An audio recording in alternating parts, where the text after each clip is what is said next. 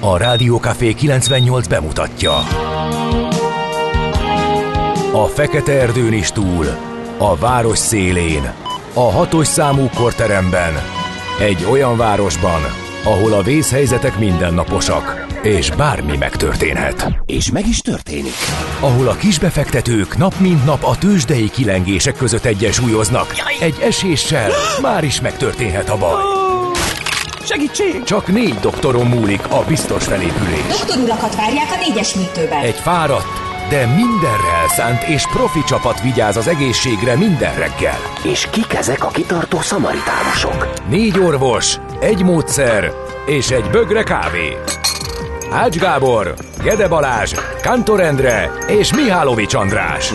A főorvosi szobából pedig Profit professzor adja helyes diagnózist.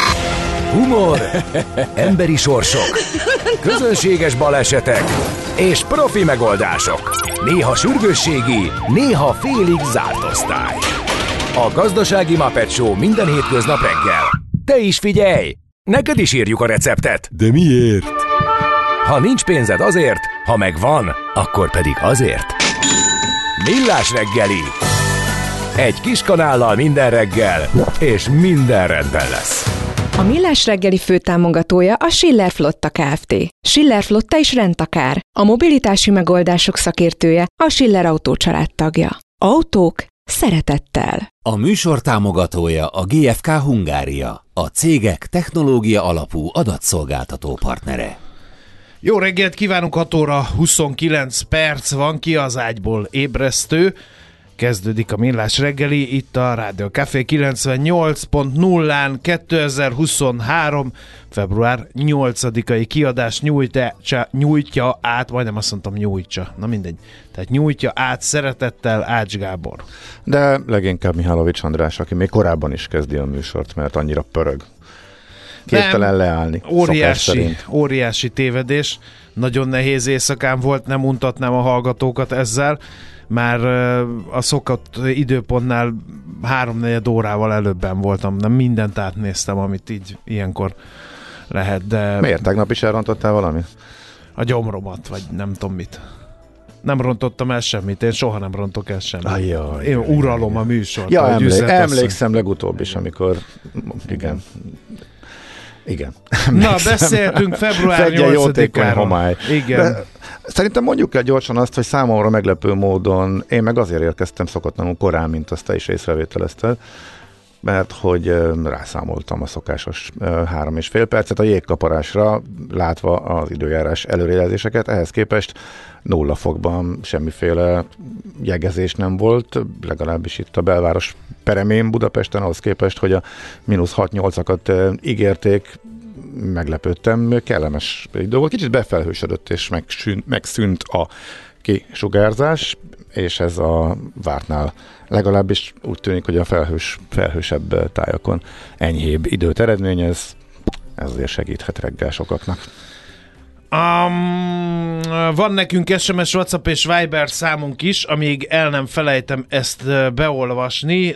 0630 6-os 98 0 98 0 meg lehet szórni bennünket mindenféle óhajjal, sóhajjal, panasszal, észrevétellel. Nem tudom, hogy óhajtasz-e ezekből Gyorsan, tallozni. igen, igen, igen, mert ez mm, gödön jó, éppen éppen mínuszos jó reggelt, akkor viszont azt jelenti, hogy ott sem volt akkora, mint amekkorára D-kartás ezek szerint számított. Erős forgalmi mellett mennyi az idő? 23 perc a Göd M3 bevezető um, zugló szokásos uh, útvonal, ez egy a leggyorsabbnál egy picit gyengébb, de még mindig Nem, sokkal gyengébb, hát számít. hát az ilyen 21. Drukkolunk stábszinten évek csúcs. óta, Igen, a 19 hogy a 20 alá igen. kerüljön, de 23 az azért ilyen közepes idő. Jó, igen, mondjuk, hogy közepes, tényleg hát ő is igen. ezt írja. Aztán Látod, egyből megjött a hallgató, hogy van a, már nagyon korán keltetek, és akkor mi újság a Blaha környékén. Morgan, Frozen kartársak, tényleg még a pirosnál is alig állnak a dobozosok, a Cityban pedig olyan nagyon nincs ideg, mint volt, akkor hasonló, amit mi is De ezt hogy tudod elolvasni?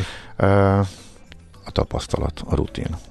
De Gondolom tényleg le a kalappal. Én nem tudok baki nélkül lőpapa üzeneteket olvasni, mert olyan, nem tudom, Tehát úgy van írva, hogy Morgan újfennen két ennel Frozen, az ugye két óval, kartársak, tényleg még a pírosnál hosszú ível is alig állnak a dobozosok a City-ban, Na, szóval akkor szerintem rájött, pedig olyan rájöhettél, a, naon nencs hideg, mint volt. eh, rájöhettél a titokra, ha összeveszed azzal, amit te felolvastál, meg amit én, a nehezebb kifejezéseket előfordul, hogy egyszerűen átugrom, úgyhogy ez nálam Bravo. a módszer. Bravo. Köszönöm szépen, köszönöm szépen, köszönöm, köszönöm, köszönöm.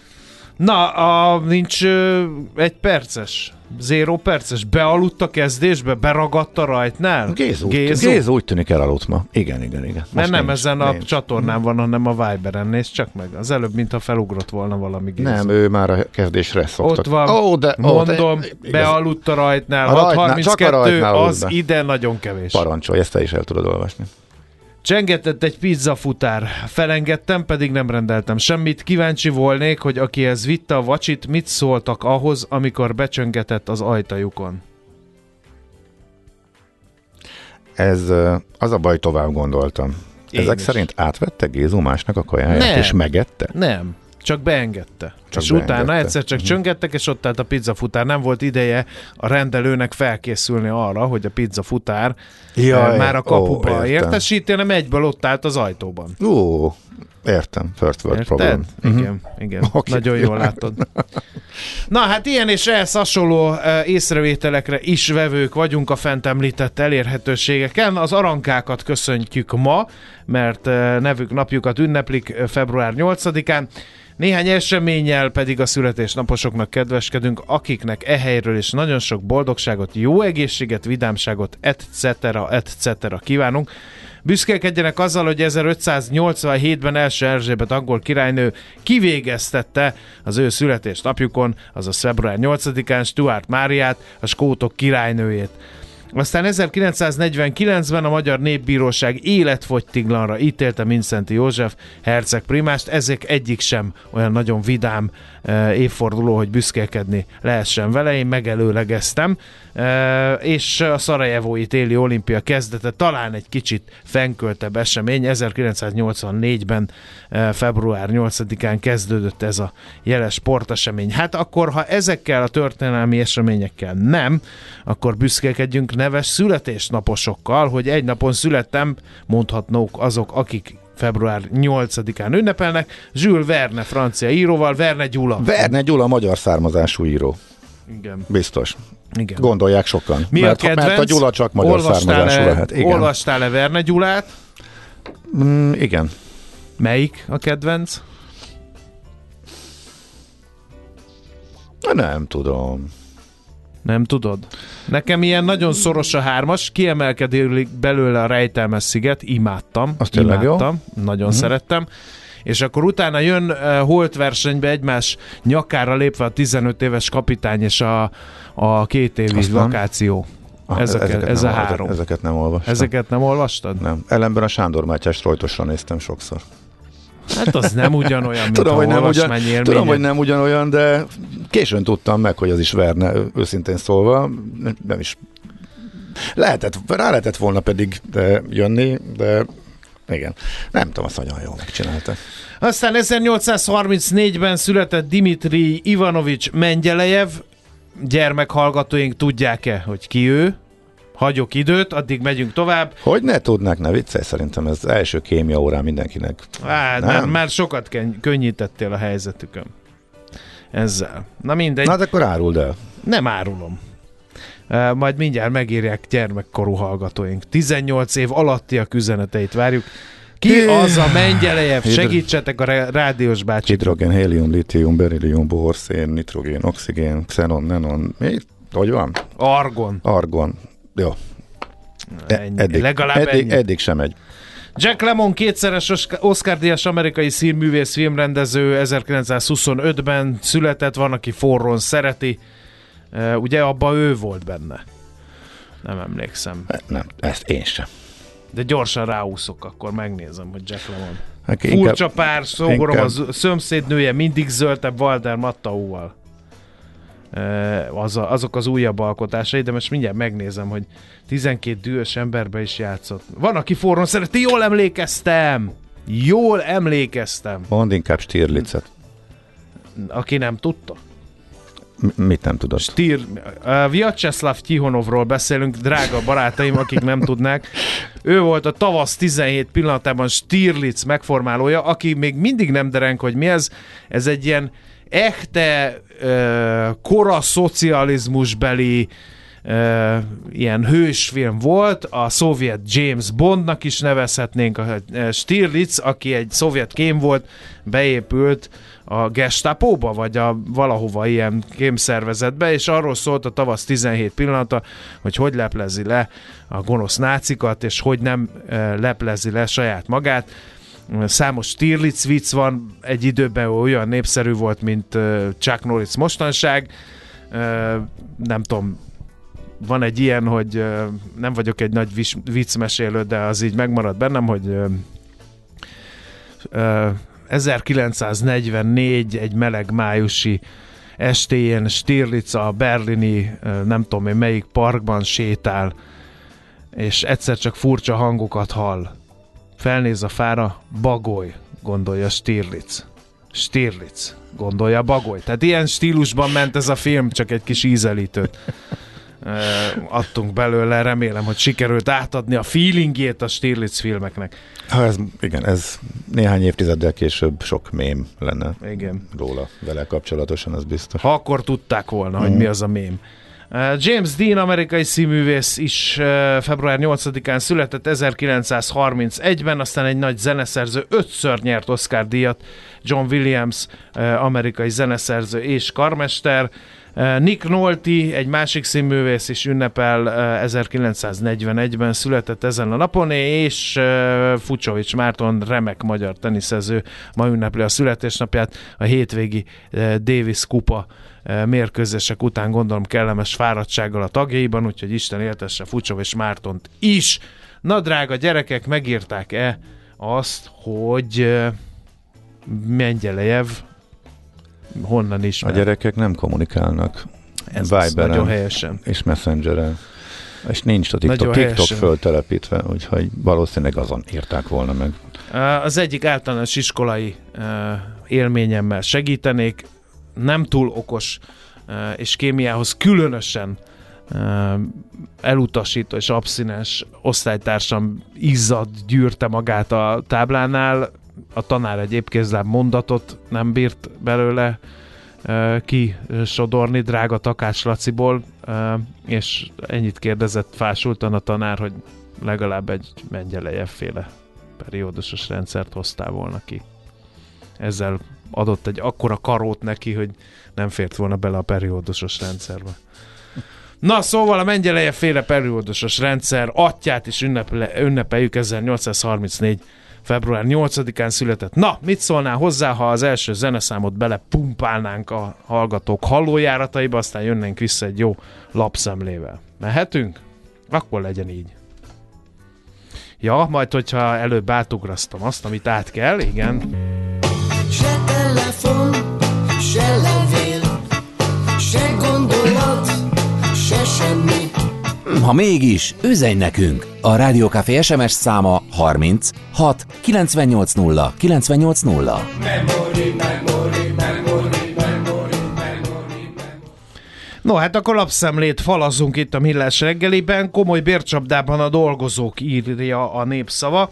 Van, ahol 6 plusz 4 százalék, máshol 5, és van olyan hely is, ahol mindössze 3 a lapinformáció szerint ilyen béremelési ajánlatok hangzottak el az idei évre a nagy állami vállalatoknál.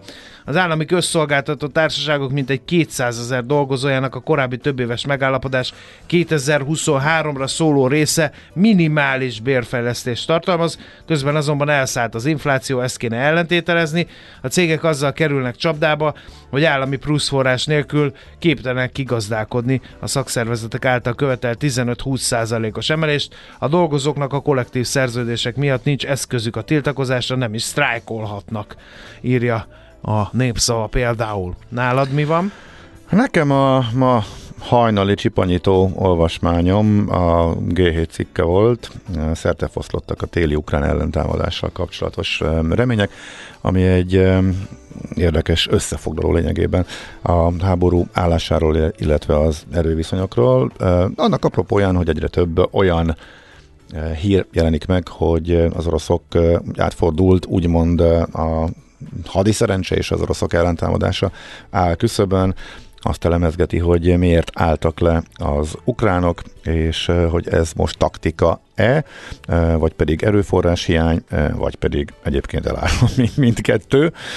Valahol vaskosan benne van az, hogy a nyugat mindig csúszik a szállításokkal, és már csak amikor nagyon fontos, akkor adják a szükséges felszereléseket, de hát amíg az odaér, illetve kiképzik a megfelelő személyzetet, az az ukrán fél számára mindig jókora időveszteség, így volt ez a, a légvédelmi rakétákkal is, amikor a kritikus infrastruktúrát támadták, és így most a harckocsiknál is hasonlót lehet látni. Az oroszok nál beérett a toborzás, és hogy térre emiatt fagynak be úgymond a frontok, illetve a bakmuti kérdés, ahol sokan felvetik, hogy miért nem adják át az ukránok, ott a visszavonulást pedzegetik nyugati elemzők is, hogy vannak olyan helyzetek, amikor célszerű lenne átadni a terepet, ezt elemezgeti még a cikk. Tehát ha valaki a napi hírek helyett mellett néhány percben szeretnék képbe helyezni magát, hogy pontosan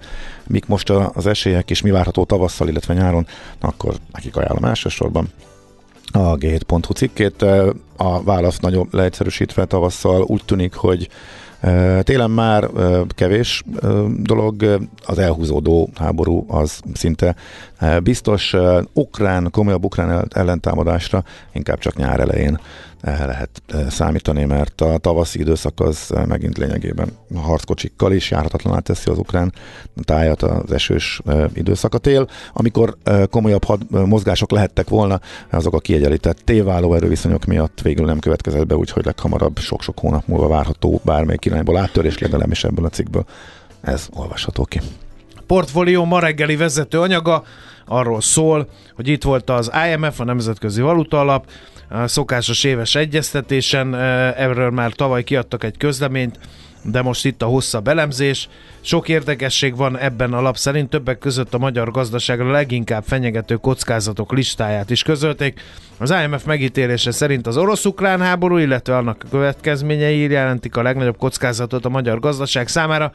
Belülről pedig az uniós források elmaradása és az infláció magasan ragadása miatt kerülhetünk bajba, bővebben tehát a portfolio.hu oldalán olvasható. És akkor még makro jellegű cikk az M4-ról mélypont, újabb mélypont, az EU második legkisebbje már a magyar minimálbér, ezt hasonlítgatja össze, tehát az M4 cikke. A, hatali, a hazai kötelezően fizető legkisebb bér, tehát egyértelműen leszakadóban van. Igen, most a magyar gazdasággal kapcsolatosan lényegében az elmúlt egy évben egyre inkább olyanok jönnek, amely a lassú eltávolodást jelzik, és sajnos a negatív irányban meglátjuk, hogy merre megy tovább. Most már az elemzői várakozások szerint is az idejében ez szinte biztos, hogy folytatódni fog. Hát mondjuk arra az egyetlen egy dologra koncentrálunk, hogy sokkal-sokkal magasabb összeget fizet az ország azért, hogy magát finanszírozza, mert hogy az uniós pénzek mondjuk nem jönnek, és részben a helyett piaci hitelből kell az országnak finanszíroznia magát, az infláció elhúzódó a, magas, és ugye, amit az IMF is mondott, az IMF is mondott, a legfontosabb kockázat. A infláció magasan ragadása, illetve az, hogy az uniós pénzek továbbra sem érkeznek. Hát egyelőre nem látszik a kormány részéről. Nagyon komoly szándék arra, hogy teljesítse a brüsszeli feltételeket, úgyhogy ez még itt lesz, ez még velünk marad a következő valószínűleg sok-sok hónapra ez a vitás kérdés, sőt, lehet, hogy még tovább. Igen, van-e még nálad, mert itt a New York Times-ot idézi az Index a címlapi induló anyagában, a lap szerint súlyos a helyzet Ukrajna vesztésre állt, az Egyesült Államok pedig hadviselő félé vált ebben a háborúban, ezt írja a New York Times cikke.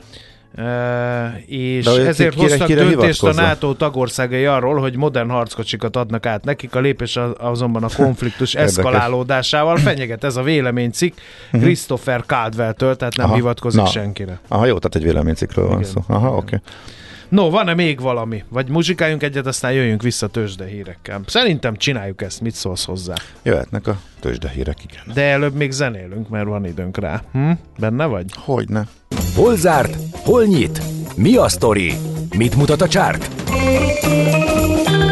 Piacok, árfolyamok, forgalom a világ vezető parketjein és Budapesten. A tőzsdei helyzetkép támogatója, a hazai tőzsde gyorsan növekvő nemzetközi informatikai szolgáltatója, a Gloster Infokommunikációs Enyerté. Már megint Budapest értéktőzsde 0,95 század százalékos pluszban e, zárta tegnapi kereskedési napját, 45.217 pontról kezd ma. A vezető papírok vegyesen teljesítettek, az OTP erősödni tudott, és a MOL is. A MOL a nagyobbat 2% fölötti plusz hozott össze, 2736 forinton zárt, az OTP 1,5%-os plusz hozott össze, 10.720 forintig ment fölfelé. A Richter Telekom párosa viszont esett, a Telekom majdnem 1%-ot, 367 forintig, a Richter pedig 0,4%-ot, 8040 forintig. A Master Plus-ban volt még értékelhető forgalom, de az esett 2% fölötti e, mértékben. És akkor nézzük e, a tőzsde előszobáját. A Chameleon Home most debüt, debütált a tőzsdén, és egészen megpörgették a x kategóriában a részvényt. Ugye ez ilyen okos otthonokat kivitelező, tervező cég, elég nagy forgalomban 40%-os pluszt hozott össze. Ez azért még olyan nagyon sok minden nem jelent, majd biztosan egy kicsit jobban beáll az árfolyama, és akkor majd értékelhetőbb teljesítményt lehet, nem ebből kell ebből a 40%-ból kiindulni.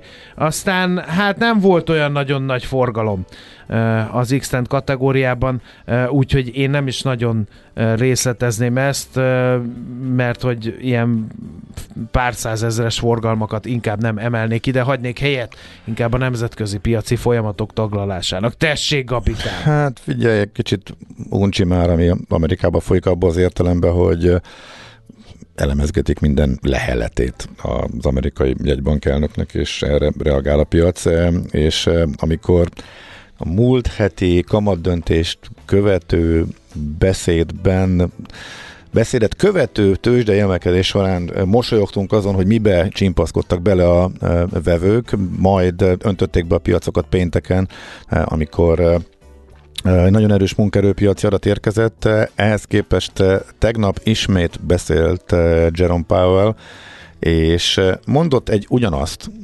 amit hogy majd adatvezérelt üzemmódra váltanak, és ez volt az egyik, amire fölkapták, amerre szárnyalni kezdett a tőzsde, mert jaj, hát akkor lehet, hogy mégsem az van, hogy majd szépen lassan fogják ö, csökkenteni csak a kamatokat, hanem jön egy jó adat, és akkor talán majd hamarabb fogják csökkenteni a, csökkenteni a kamatokat. Szólt a belemagyarázás, amire megvették. Most elmondta lényegben ugyanezt egy picit más szavakkal, erre meg beöntötték a piacot. Szóval Először emelkedett, utána beöntötték, utána megint emelkedett, és lett egy kis emelkedés, és a technológia felülte, és tehát nagyon röviden ennyi volt az amerikai történet. Ezen belül ez csak a mókás apróság, hogy totál ugyanarra a bejelentésre másképp reagál, öt nappal később a piac, vagy akár négy tőzsdenappal később, úgyhogy inkább nagy csapkodás van, de azért az idei, ami abból a szempontból nem meglepő, hogy idén a tavalyi méretes visszaesés és pocsék év után az idei évet kifejezetten jól kezdték a mutatók, és 10% fölötti emelkedésbe sikerült eljutni a technológiának és az átlag indexnek, az S&P-nek is. Látványos ez a különbség most is az éveleje óta, tehát a Nasdaq tartja a 15% fölötti előnyét, az S&P nincs 10%, de 8,5 megvan, míg a Dow Jones vaskosan lemaradó, Igaz, tavaly az este a legkisebbet, csak 3%-ot nőtt az idén, úgyhogy most csapkodás látszik följebb már a nagyugrás után nem mernek menni az indexek, a befektetők itt már óvatosabbá váltak, itt aztán tényleg nehéz elkapni a fonalat, hogy mi az irány. No, akkor mi van hátra más, mint előre? Gombnyomás. Oké. Okay. Tőzsdei helyzetkép hangzott el a Millás reggeliben. Na hát az agglomerációban sincs vaskos fagy, úgyhogy jóval enyhébb a reggel írják a hallgatók, és Érdről mínusz egy fokot eh, jelentette az egyik hallgató. Eh, A Göteborgi repülőjáratok, hát igen, majd pénteken gondoltam, hogy sor kerítek rá, de van variálás bőven, mondjuk erről beszéltünk előző pénteken is, mert visszatérünk rá, hogy hol szűnnek meg, illetve változnak a járatok, aztán ez mi is volt? A löpapához? Egy LeBron James hány pontot dobott, de azt nem mondjuk el, mert hát ha valaki meg akarja nézni a meccset. Ja, értem. Jó. Okay. Jó, akkor menjünk. Jöjjenek a hírek, aztán jövünk vissza Budapest rovatunkkal. Napindító témánkban is érdekes lesz. Egy NAV húzásnak a hátterét fogjuk feltárni. Tartsatok továbbra is velünk. Itt a Rádió Café 98.0-án. A mai világban könnyen félrevezetnek a csoda doktorok és a hihetetlen megoldások. Az eredmény? Hája pocim marad, a fej még mindig tar, a profit meg az ablakban. De már is segítenek a legjobb orvosok. Doktor megelégedés, doktor higgadság, doktor vidámság és doktor nyugalom. Doktor úr, ennek össze-visszaver a GDP-je, a pulcosa meg egy csökkenő gyertya. Két végéről égette. Ezt visszakalapáljuk, és olyan hozamgörbénk lesz, amilyet még dr. Alonso Mózdi sem látott. Millás reggeli. A gazdasági Muppet Show. Figyelem! Fogyasztása függőséget okoz. A Millás reggeli főtámogatója a Schiller Flotta Kft.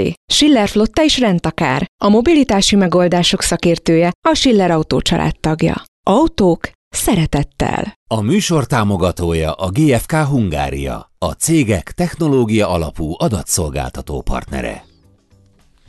Jó reggelt kívánunk, 7 óra 9 perc van, folytatódik a Millás reggeli műsor folyama itt a Rádió Café 98.0-án, a mai műsorvezetői páros pedig Ács Gábor. És Mihálovics András. Van nekünk SMS, WhatsApp és Viber számunk is, ez pedig a 0636-os 980 980 ide lehet írni mindenféle észrevételt, illetve ott van a Viber csoportunkban ma reggeli felvétel e, szuperhőseinkről, e, és egy gyors közlekedés információt már megosztanék veletek, mert ez még most jött nem is olyan régen, egy műszaki hibás járműről, ez nehezíti a közlekedést a Kvassai Jenő úton befelé a Soroksári út után a külső sávba, úgyhogy nagy türelem az arra haladóktól. Neked van-e valami szellemi terméked, amelyet kibocsátanál ránk?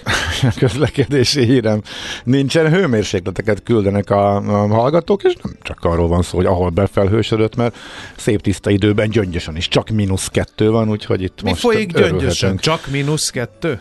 Öm, Csak mínusz kettő. Ja, és egy Intercity-ről is kaptunk üzenetet, ö, de ú, igen, azt, azt most már tovább ö, ugrottam, azt meg majd megkeresem. Jó, akkor falazzunk egy Budapest rovatot. Egyre nagyobb buborékban élünk, de milyen szép és színes ez a buborék. Budapest, Budapest, te csodás! Hírek, információk, események, érdekességek a fővárosból és környékéről.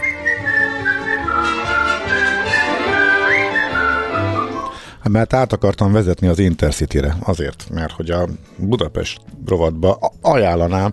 hvg.hu-n volt egy érdekes cikk arról, hogy hogyan javítja a vasút az agglomeráció elérhetőségét. Egyre később indulnak az utolsó vonatok, és nem csak az agglomerációra nézték meg, hanem a megyeszékhelyeket illetően is. Egy komoly kritika volt évekkel ezelőtt, hogy nagyon-nagyon korán elmennek az utolsó vonatok a legnagyobb magyar városokba is. Budapestről ezen változtatott a vasút, és ezt kitolta, de, ami még érdekes, hogy ha mellé tesszük a 2015 és a 2023 közötti változásokhoz a 2001-es állapotokat, és akkor az jön ki, hogy 2001-ben sokkal jobb volt a helyzet, mert például uh, Nyíregyházára 0-55-kor is indult vonat meg Debrecenbe, hiába lett jobb a helyzet, 2015-ben 19.40 volt az utolsó, most meg 20-23, vagy éppen 22-28 Debrecenbe, de ez az egész azért van, mert akkor még 2001-ben voltak postavonatok. Vol- Nekem is volt szerencsém azokkal utazni. A postavonatra ráraktak egyetlen egy személyvagont, amiben feküdt körülbelül öt ember. De Ez jó lehetőség volt azoknak, akik mondjuk koncertre vagy színházba akartak menni eh, Budapestre. Ezt eh, kifogásolják sokan egyébként a cikkhez a, a kommentekben is, hogy ez ö, nincsen. Drága Kántor kollégának ez nagyon jó hír, amiket Igen, mondasz. igen, igen, most mert ha a, céges a- bulik nagy keresztbeverője Kántor Endre, aki egyszer csak felugrik, hogy és most megy a vonatom, e, és asztalt bont olyankor. Igen, de ugye hát, ha ő most a- majd nem fog. Igen, ő az agglomerációs Igen. Vonal, és ott viszont tényleg nagyot javult a helyzet, a megyeszékhelyeknél is kitolódtak az utolsó járatok. Egyedül Zalaegerszeg az, ahova nem lehet elindulni este 7-es vagy este 8-as eh, indulás után, ott hétkor megy az utolsó vonat. Lényegében mindenhova eh, lehet, mondjuk van, ahova csak átszállásra, például Kaposvár és Salgótarján de mindegy. A lényeg az, hogy az elővárosban igazi nagy javulás van, még Cegléd is 043, 238. Lajos Mizs az egyetlen, a Lajos Mizsai vonal, ahol nincsen későig éjfél után induló vonat, de a legtöbb célállomásra 015, 040, tehát bőven éjfél után is lehet menni. Székesfehérvár felé pedig lényegében, több vonal is lényegében egész éjszaka vannak járatok, és a legelső indulások is sokkal korábbra jöttek, akár már 2.30 9-8-ra.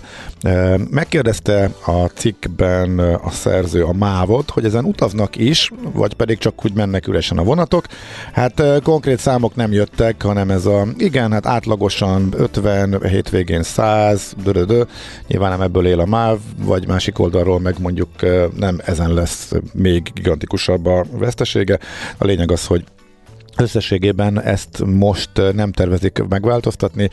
Annyira nem régi ez a történet, ez a változás, hogy eh, esetleg még további fejlesztésekről lehetne szó. Kell még idő, hogy az eredményeket eh, le tudják mérni, eh, úgyhogy attól sem kell tartani, hogy visszacsinálják de egyelőre további fejlesztések sincsenek a csőben, tehát ha valaki ezt részletesebben szeretné, akár az agglomerációs, akár a megyeszékhelyek viszonylatában nézni, akkor a késő esti vonatokkal csábítják a vasútra azokat, akiknek túl drága a benzin, megnéztük, sikerrel járnak-e rövid címmel Igen. ellátott cikket. Ha már hív a vasút, vár a MÁV, akkor a nyugati pályaudvarnak a felújításáról jöttek friss hírek. A tervek szerint a délkeleti tornyon is megkezdik a munkákat a Terész körúti homlokzaton.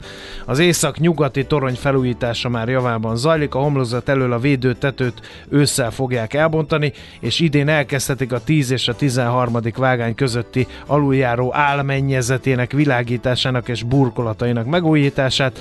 Az ott lévő lift eh, pedig egy nagyobb kapacitású felvonóra fogják majd cserélni. A hírek szerint, illetve a nemzetközi váró is megnyílik jövőre, új kamerarendszer is lesz, 246 darab kamerát fognak felszerelni a peronokon és a belső tereken, a pénztár csalnok külső homlokzatának és a belső terének, a rendőrségi átjárónak továbbá a nyugati téri irodarész külső homlokzatának felújítása is már előkészítés alatt áll, de ezek várhatóak az idei esztendőben a nyugati térrel kapcsolatban. Neked még valami budapestes, BL döntős, a többi nem érdekel? Hát most a BL döntőhöz őszintén szólva nem nagyon tudok mit Hát hozzátenni. nem kell A hozzátenni, csak tervek- felolvassuk, hogy az a terv, Csányi Sándor MLS elnök elárulta, hogy 2026-ban Budapesten rendezzék a bajnokok ligája döntőjét. Pont. Igen, meg olimpiai tervek is vannak 34-re, tehát igen, nem, nem tudom megítélni, hogy itt milyenek a, az esélyek, de hát Csányi Sándor nemzetközi szinten is a labdarúgó, Nemzetközi Labdarúgó Szövetségben is jegyzett vezető, és kétségkívül, amikor be kellett ugrani, vagy volt lehetőség beugrani a Covid idején, amikor nyárunk volt, nálunk voltak a leglazábbak a szabályok, akkor ezt megtettük, ezzel szerzett jó pontokat a város, úgyhogy én azért nem lepődnék meg, hogyha ez összejönne, nyilván ez a városnak. Egyébként meg ő nem szokott így nagyon váratlan Igen. és megalapozatlan vágyálmokat megfogalmazó nyilatkozatokat közzétenni, tehát hogyha ő ezt így belengedte, akkor nagy, én is azt gondolom, hogy elég komoly esély van erre. Igen, mondjuk nyilván érdekelne minket ennek a pénzügyi vonatkozása is, hogy De mibe, ke- mibe a hír. kerül, mibe kerül Azt ez hittem az az érdekel, hogy ki játsza a BL döntőt 2026-ban, mert ez engem is érdekelne, megtenném a tipmixen. ha most Barcelona, ezt meg- Bayern. Barcelona, Bayern, hagyja Most csak egy nagyon Le- átlagos leszálló primitív tippet ágban van mond. mind a, mind a kettő? Igen. Micsoda? Hát most figyelj, képben vagyok. A gyerekek. Képben vagy? A gyerekek. Hát a gyerekek Akkor te előtt élvezem, mert én nem vagyok képben, Ne csak hülyeskedj, mondtam. már a lányom is focis kártyákat kezdett el Ne. gyűjteni. De hát ez most teljesen kibuktam. Nem? Ezt, Gábor ezt szülőként volna. óriási kudarcot vallottál. Ja, te, kész, kész vagyok. De még ezt nem, még kaparom össze magamat. Tényleg nem, nem, nem, nem tudok ezzel mit kezdeni. De kb. néhány hónappal után, hogy körbe röhögte a fiú tesóit, eh, most ő is osztja az észt a barszáról. Hát nem, nem, nem. Egyre képtelen vagyok kezelni a helyzetet. Az én lányom pedig küzdő sportra jár. Hó, hát akkor Az, az, egyik az legkeményebbre, teljesen önállóan, semmi apai presszió Aha. nem volt benne. Egyszerűen csak személyes példamutatás. Ennyi. Igen. Ahogy, Na, azt, ahogy azt De elképzeljük. ez már nem a Budapest rovat, Ez nem. hanem ez valami egészen más, úgyhogy keverjük is le. Aztán egy zene jön, és utána a NAV megint kitanált valamit, de hogy ez mit, meg mire jó, erről fogunk beszélgetni majd a zene után, úgyhogy tartsatok továbbra is velünk. Nekünk a Gellért hegy a Himalája. A Millás reggeli fővárosi és agglomerációs infóbuborékja hangzott el. No kérem, akkor a következő beszélgetést el is kezdjük. Ugye a NAV kitalált valamit, erről ez volt a csináló hozzá, de ennél azért sokkal konkrétabbak leszünk. Itt, le, itt van a stúdióban Kócé Péter, a Grant Thornton nemzetközi üzleti és adat, adótanácsadó cég digitális üzletágának vezetője. Szervusz, jó reggelt kívánunk! Jó reggelt, köszöntöm a hallgatókat én is. Hát már régen kitalált a NAV egy csomó mindent, folyamatosan fejleszti az elektronikus szolgáltatási körét. Azt mondják, hogy ügyfélbarátságból, de nyilván ennek megvannak az adózási okai is, hogy átlássanak mindent, és még könnyebb legyen elkapni az adók elkerülőket, meg adócsalókat. Most azonban valami olyasmi van, hogy, hogy szeretnék az adóalanyoktól besöpört adatokat közzétenni, vagy elérhetővé Vagy visszaadni tenni? nekik, Vagy vagy visszaadni? minden- Már Gyakor- on- online pénztárgép témában beszélünk, ahol 2014 óta gyűjti a NAV az adatokat, és most ad belőle vissza. Na szóval mi, mi, van, mi, mi folyik itt? Igen, ez egy nem egy új dolog, ez az adat- adatgyűjtés. 14 óta folyamatosan a pénztárgépektől szedi be az információkat, a működéshez kötődő információkat, de az egy újdonság, hogy ezt visszamutatja most már a pénztárgép tulajdonosok számára is. Na kinek és hogyan? A mindenki a sajátját? Mindenkinek a, a sajátját, igen. Igen, ez egy gyakorlatilag a én azt mondanám, hogy a NAV-nak a barátságos arca, mert amellett, hogy adatokat gyűjt tőlünk, és ezt felhasználja a saját belső működéséhez, most lehetővé teszi azt, hogy ezzel, ezzel más is tudjon gazdálkodni, uh-huh. az is, aki az adat, az is fel tudja használni a saját belső működésének a Na hát a saját adatomat eddig is láttam, hogy beküldök, nem? Nem feltétlenül, mert mivel az adóhivatal által gyűjtött információk egy olyan fekete dobozból származnak a pénztárgépekből, amihez nagyon korlátozottan tudtak hozzáférni eddig a pénztárgép tulajdonosai, vagy nem is tudtak hozzáférni, attól függően, hogy milyen minőségű és milyen funkcionalitású kasszát használtak. Ezek általában milyen adatok? Hogy ki mit vett, mennyiért? Ezek az információk gyakorlatilag a, a pénztárgép működéséhez kötődő mindenféle részlet. Egyrészt a kiállított bizonylatoknak a másolatai részletesen, mindenféle zárások, nyugták, pénzmozgások, illetve azok az információk, amiket a pénztárgép a működése során rögzít, bekapcsolások, kikapcsolások, áramszünetek, akár még a földrajzi pozíció megváltozása is. Aha. És ez miért fontos most, hogy ezt visszakapják az adat tulajdonosok ezeket az adatokat? Mire Ez- lehet ezt használni?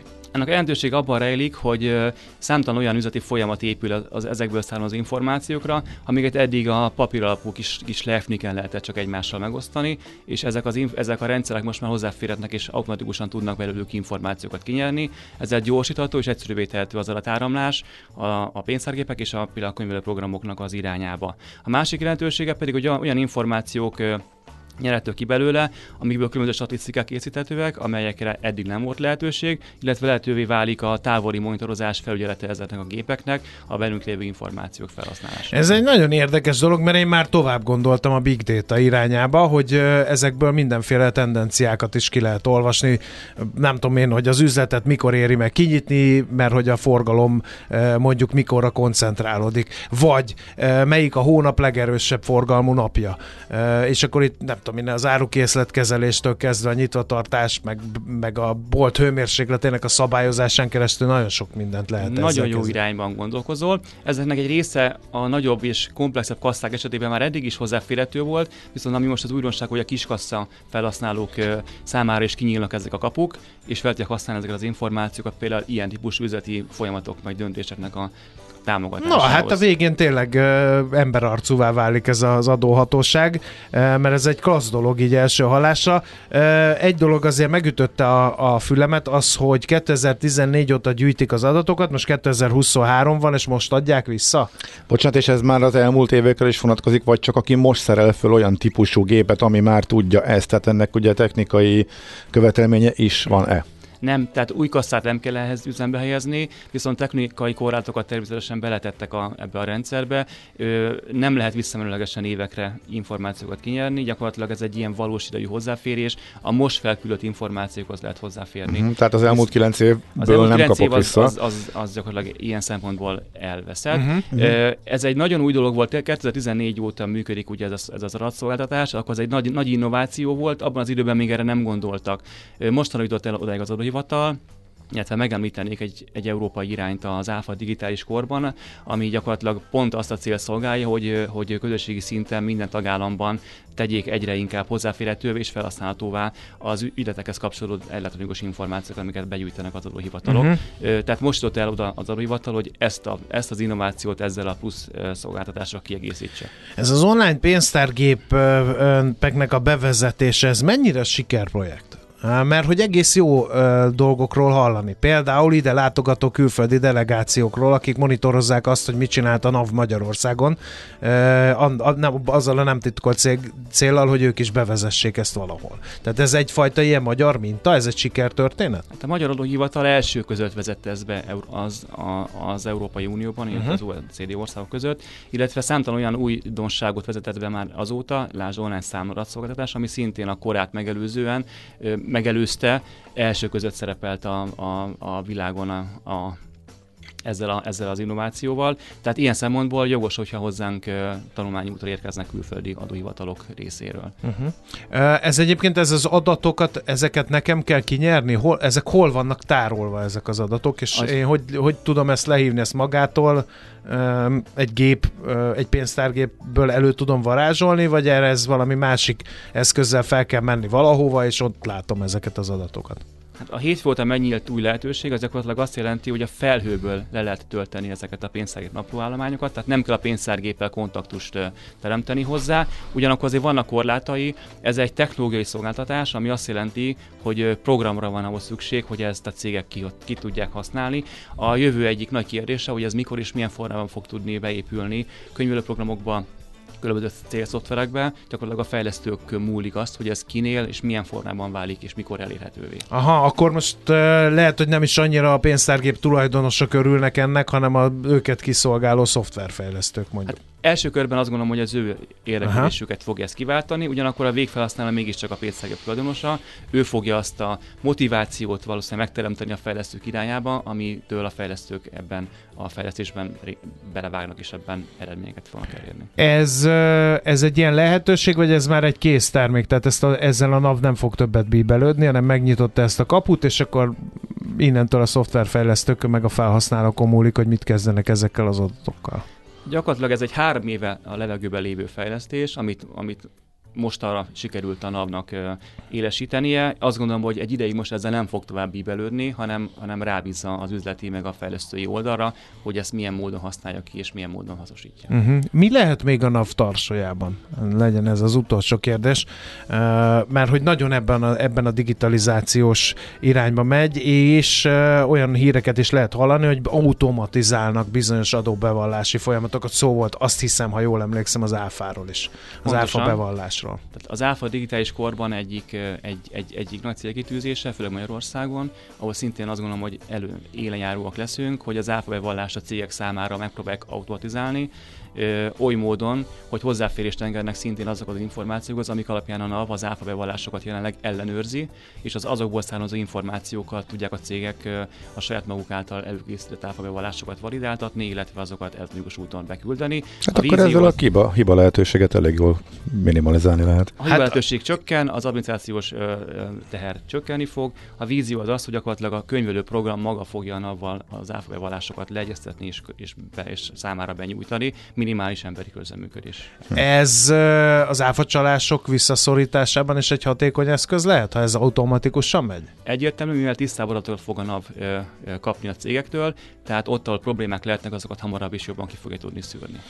Hát nagyon érdekes világ, ez nem is gondoltunk bele ebbe, hogy ilyen folyamatok zajlanak, de ez egy klassz dolog. Hát kíváncsi vagyunk, ha annyit beszélünk a digitalizációról, hogy ezt mennyire használják ki majd a piaci szereplők, hogy most lám visszakapják a pénztárgépek adatait, de ez majd a jövő zenéje. Nagyon szépen köszönjük a beszélgetést. Köszönöm a meghívást. No kérem, akkor az elmúlt percekben egy kicsit a NAV online tevékenységéről beszélgetünk OC Péterrel, a Grant Thornton nemzetközi üzleti és adótanácsadó cég digitális üzletágának vezetőjével. E, Most jön e, kérem szépen egy rövid zene, e, aztán pedig KKV rovatunkban beszélgetünk a Legacy Leadershipről, hogy mi a túró ez, ezt fogjuk megfejteni, tartsatok továbbra is velünk. Dr. Tenkin, végre, jöjjenek, kezdődik az értekezlet. Doktor úr, Orvosok vagyunk, híres orvosok, nem szélhámosok. Dr. Tenkin, legyen szíves. Híres orvosok, nagyon Kérem, híresek. legyen szíves. Szemfül, orgége. Kérem, doktor úr. Főleg Doktor úr, fül. kérem, mehetünk? Igen. Millás reggeli. No, akkor hát beharangoztuk, és akkor megpróbáljuk dekódolni ezt a kifejezést. Mi a Legacy Leadership, és kik a szereplői. Idén 10 éves a Bridge Budapest, az elmúlt 10 év gondolkodása és munkája összegződik egy kutatásban. Egy itthon újnak számító fogalom a Legacy Leadership definíciójának és szereplőinek körüljárása volt a cél, Eh, hogy mi ez, meg mit jelent. Piscsúr Veronika van a vonal túlsó végén, a Bridge Budapest ügyvezetője, CEO-ja. Szerbusz, jó reggelt kívánunk! Jó reggelt kívánok, sziasztok! No, hát először dekódolt Akkor kérlek a kifejezést. Igen, mert itt az áccsal csak nézünk, mint hal a szatyorban.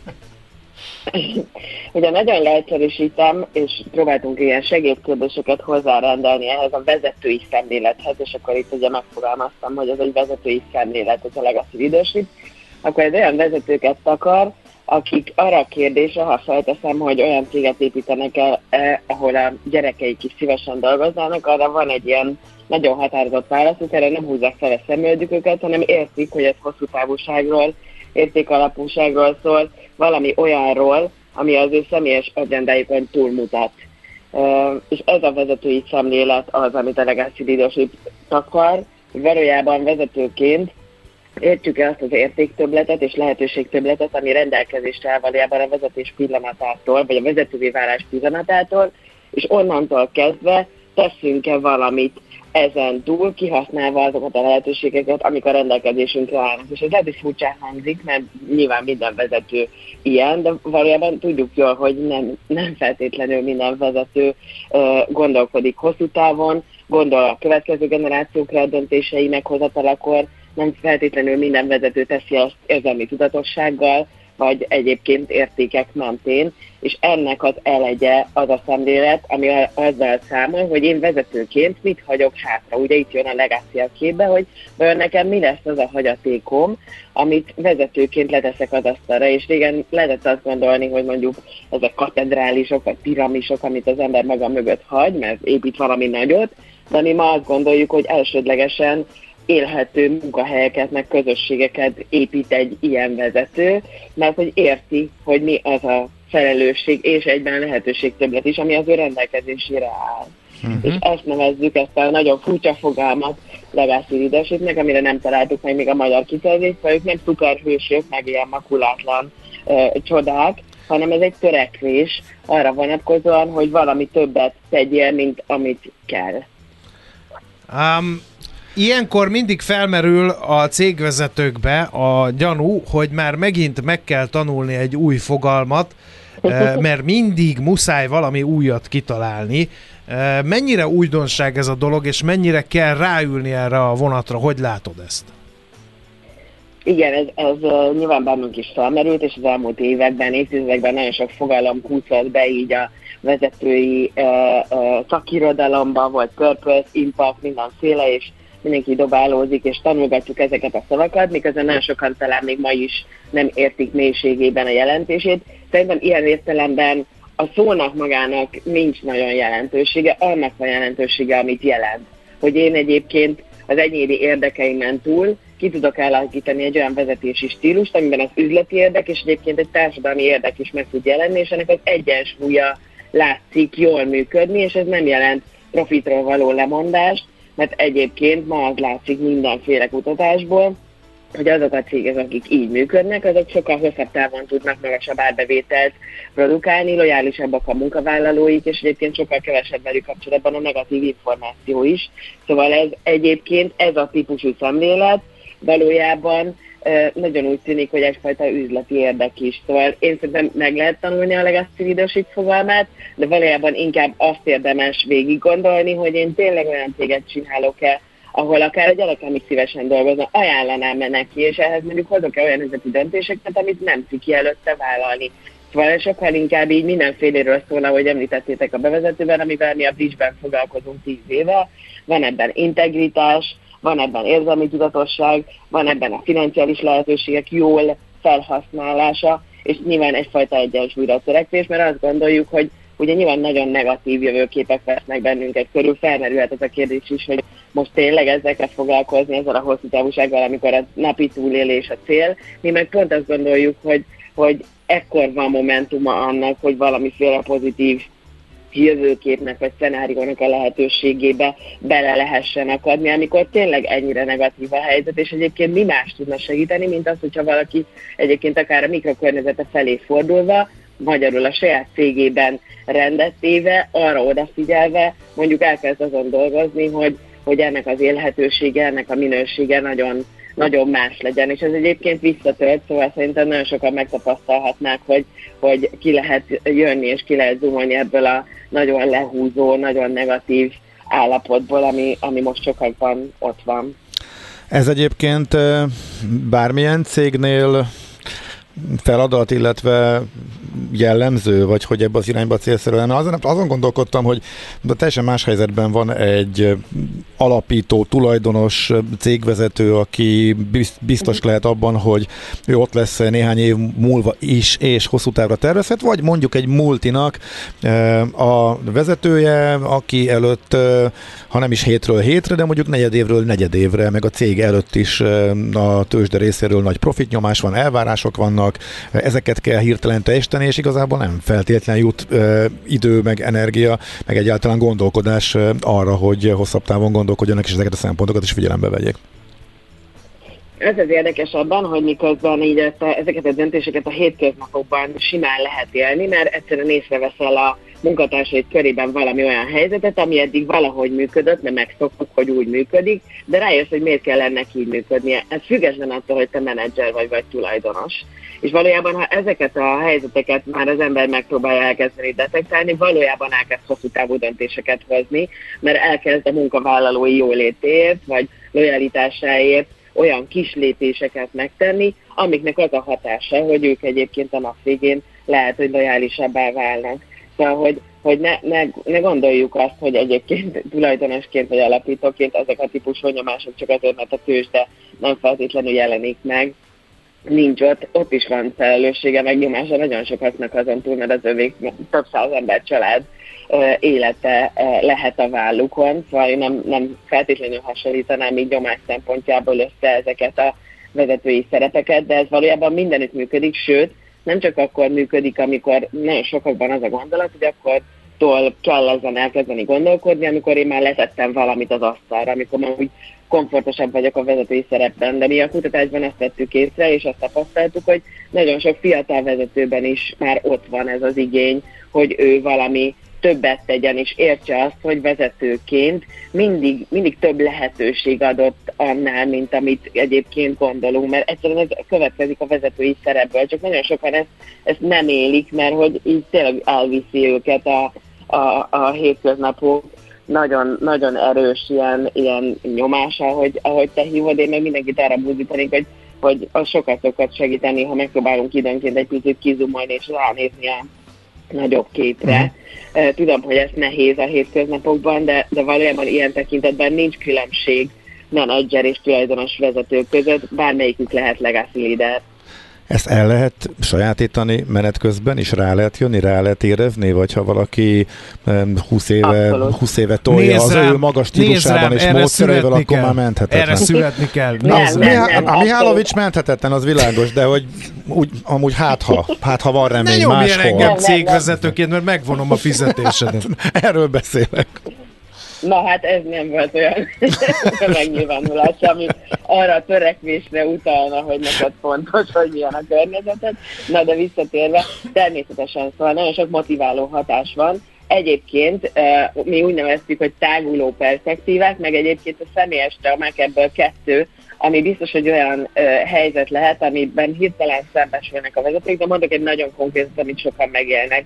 A kiégés általában egy ilyen momentum szokott lenni, amikor így összeáll a kép, hogy te jó ég, eddig mit csináltam, és és utána egyébként ebből nagyon sokszor valamilyen ügy vezeti ki, szóval valami másért, valami személyes érdeken túliért való cselekvés vezeti ki a vezetőt, és ez egyébként nagyon fontos eleme a legacy leadershipnek és a legacy leader definíciójának, hogy ő képes-e tényleg a mások javára valamit tenni, tegyük mondjuk ilyen a hangzatosan a, a világ jobbításáért, de mondjuk azt, hogy a saját környezete jobbításáért. És igen, nagyon-nagyon sok olyan helyzet van, amiben van ilyen váltás, és vannak ilyen mérföldkövek vezetők életében. Mi is abban az 54 interjúban, amit készítettünk, nagyon sok ilyennel találkoztunk, ahol megfogalmazták a vezetők. Ezért lehet egy nagy betegség is ez a személyes trauma, nem feltétlenül csak a kiégés, ami egy ilyen szembesítési pont, hogy eddig valahogy csináltam, az egyébként elvitt engem a sa- saját jólétemben valameddig, de valahogy azt érzik sokan, hogy ez így kevés, hogy, hogy csak ennyi lenne, mi, mi van ezen túl. És akkor egyébként elkezdenek például azon gondolkodni, hogy ők milyen azt a hatást, amit vezetőként létre tudnak hozni, azt mi minden felé tudják egyébként becsatornázni. Ilyenkor kezdenek el sokkal többeknek ügyeik lenni, elkezdenek társadalmi kezdeményezéseket támogatni, de nem kell feltétlenül megvárni ezt a személyes De Vera, én, ezt, én így két, két dolog jut eszembe. Ez egy nagyon-nagyon klassz dolog lenne, ha így lenne, de bevallom őszintén, hogy e, nyilván mindig vannak kivételek, és nagyon szerencsétlen általánosítani, de igazából a mai cégvezetők, e, és, és olyan cégvezetőkről beszélek, akik felépítettek e, valamit, azoknak a nagy része még mindig az egyéni egzisztenciájával, az egyéni jólétével foglalkozik, és nem ez, hogy alkossak valamit, nem az, hogy, hogy a társadalomnak visszaforgassak abból valamit, amit én kaptam.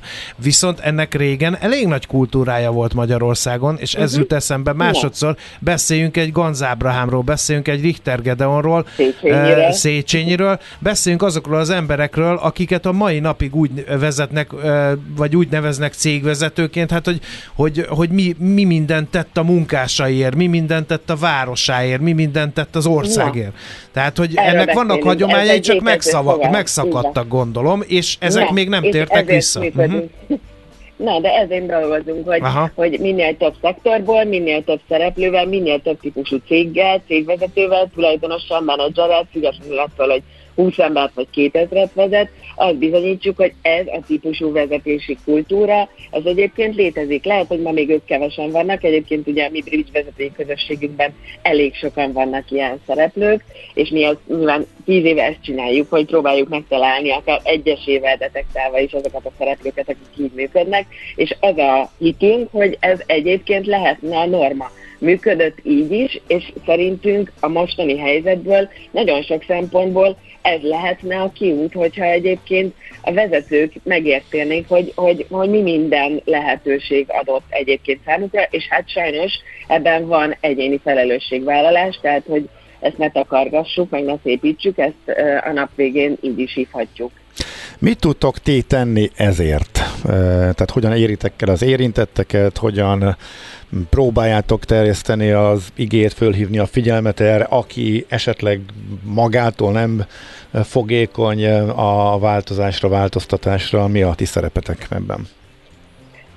Azokat, akik nagyon nem fogékonyak és nagyon messze vannak ettől, sosem akartuk meggyőzni, szóval ez biztosan fontos része a stratégiáknak, és ez lehet, hogy fura, hogy ezzel kezdtem. De, de valójában azt csináljuk, amit most is kutatunk, próbáljunk nem csak a levegőbe beszélni, hanem, hanem számokkal, adatokkal alátámasztani, hogy az egyébként nem lemondásról szól az üzleti életben, ha valaki elsajátítja ezeket a gondolatokat, vagy beépíti ezeket a gondolatokat. Mi tulajdonképpen egy ilyen attitűd szerepet töltünk be, és például nektek is köszönhetően, meg sokféle médiumnak, meg felületnek köszönhetően próbáljuk ezeket a történeteket és ezeket a bizonyítékokat minél szélesebb körben megmutatni, eljuttatni. Ugye közel 50 vezető van a, a bridge vezetői közösségben ma, ők mindenféle szektoroknak valójában nagy követei, és nem csak a szektoraik nagykövetei, ennek az üzleti szemléletnek, ennek a vezetői szemléletnek a, a nagykövetei, és egyébként rajtuk keresztül is próbáljuk az uh-huh. ő köreikbe, közösségeikbe, vagy hát nagyon sok üzleti közösséggel vagyunk egyébként kapcsolatban, mi ugye évente díjazzuk is ezeket az üzleti közösségeket,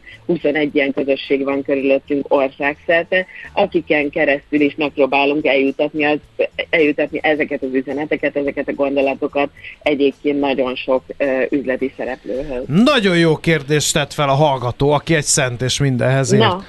A legnagyobb kérdés, honnan van a menedzsmentnek, cégvezetőnek felhatalmazása arra, hogy más, azaz az részvényesek vagyona terhére a közjót gyarapítsa?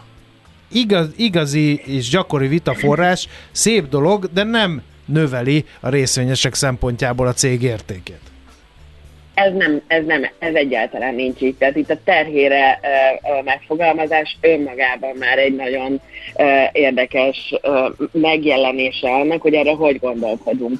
Valójában pont erről beszéltem, hogy ma nagyon pontosan kimutatható, hogy az így működő cégek egyébként nagyon gyakran hosszabb távon tudnak magasabb árbevételhez jutni, lojálisabb munkavállalókhoz, ezek emelik a cég értékét, és egyébként a tulajdonosok vagyonát is. Pont erről beszélünk, hogy ez nem lemondás, és ez nem megfosztása valaminek, hanem egyébként pont a kimaxolása a, a, annak, ami, ami lehetőségként adódik. Szerintem azt nem vitatjuk, hogyha valaki a, a munkavállalói körében eléri, hogy lojálisabbak hozzá, az komolyabb értékteremtéshez vezethet hosszú távon. Nyilván hozzátehetjük, hogyha csak egy ilyen lusta lojalitás, akkor nem, de, val- de, de nyilván nem erre, erre gondolunk elsődlegesen, amikor azt gondoljuk, hogy valaki teremt egy olyan munkahelyi környezetet, amiben az értékteremtés meghatványozódik, és egyébként ez nem hiszem, hogy rombolja, vagy, vagy ez a terhére van egyébként a tulajdonosoknak. Szerintem, hogyha egy vezetőnek az a felhatalmazása, hogy csináljon több pénzt,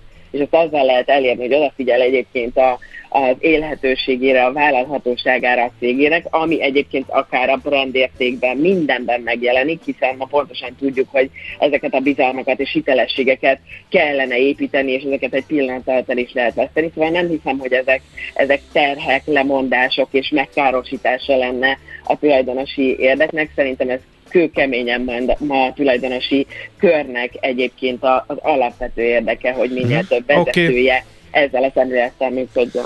Hát figyelj, nagyon klassz dolog ez, és, legyen, és, és, és hát akkor mi más kívánhatnánk így a végére, mint hogy száz legacy leadershipet, ezeret, a haza fényre derül.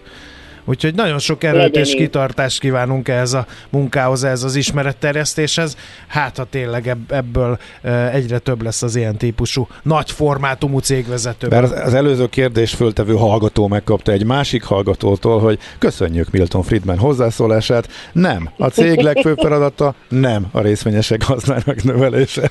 Igen. Na, ezt köszönjük tessék. szépen. Uh, igen, elég komoly hallgatói vita robbant ki, hála neked, majd ezt mi kezeljük. Köszönjük Köszönjük Szuper. szépen! Szerbusz! Jó.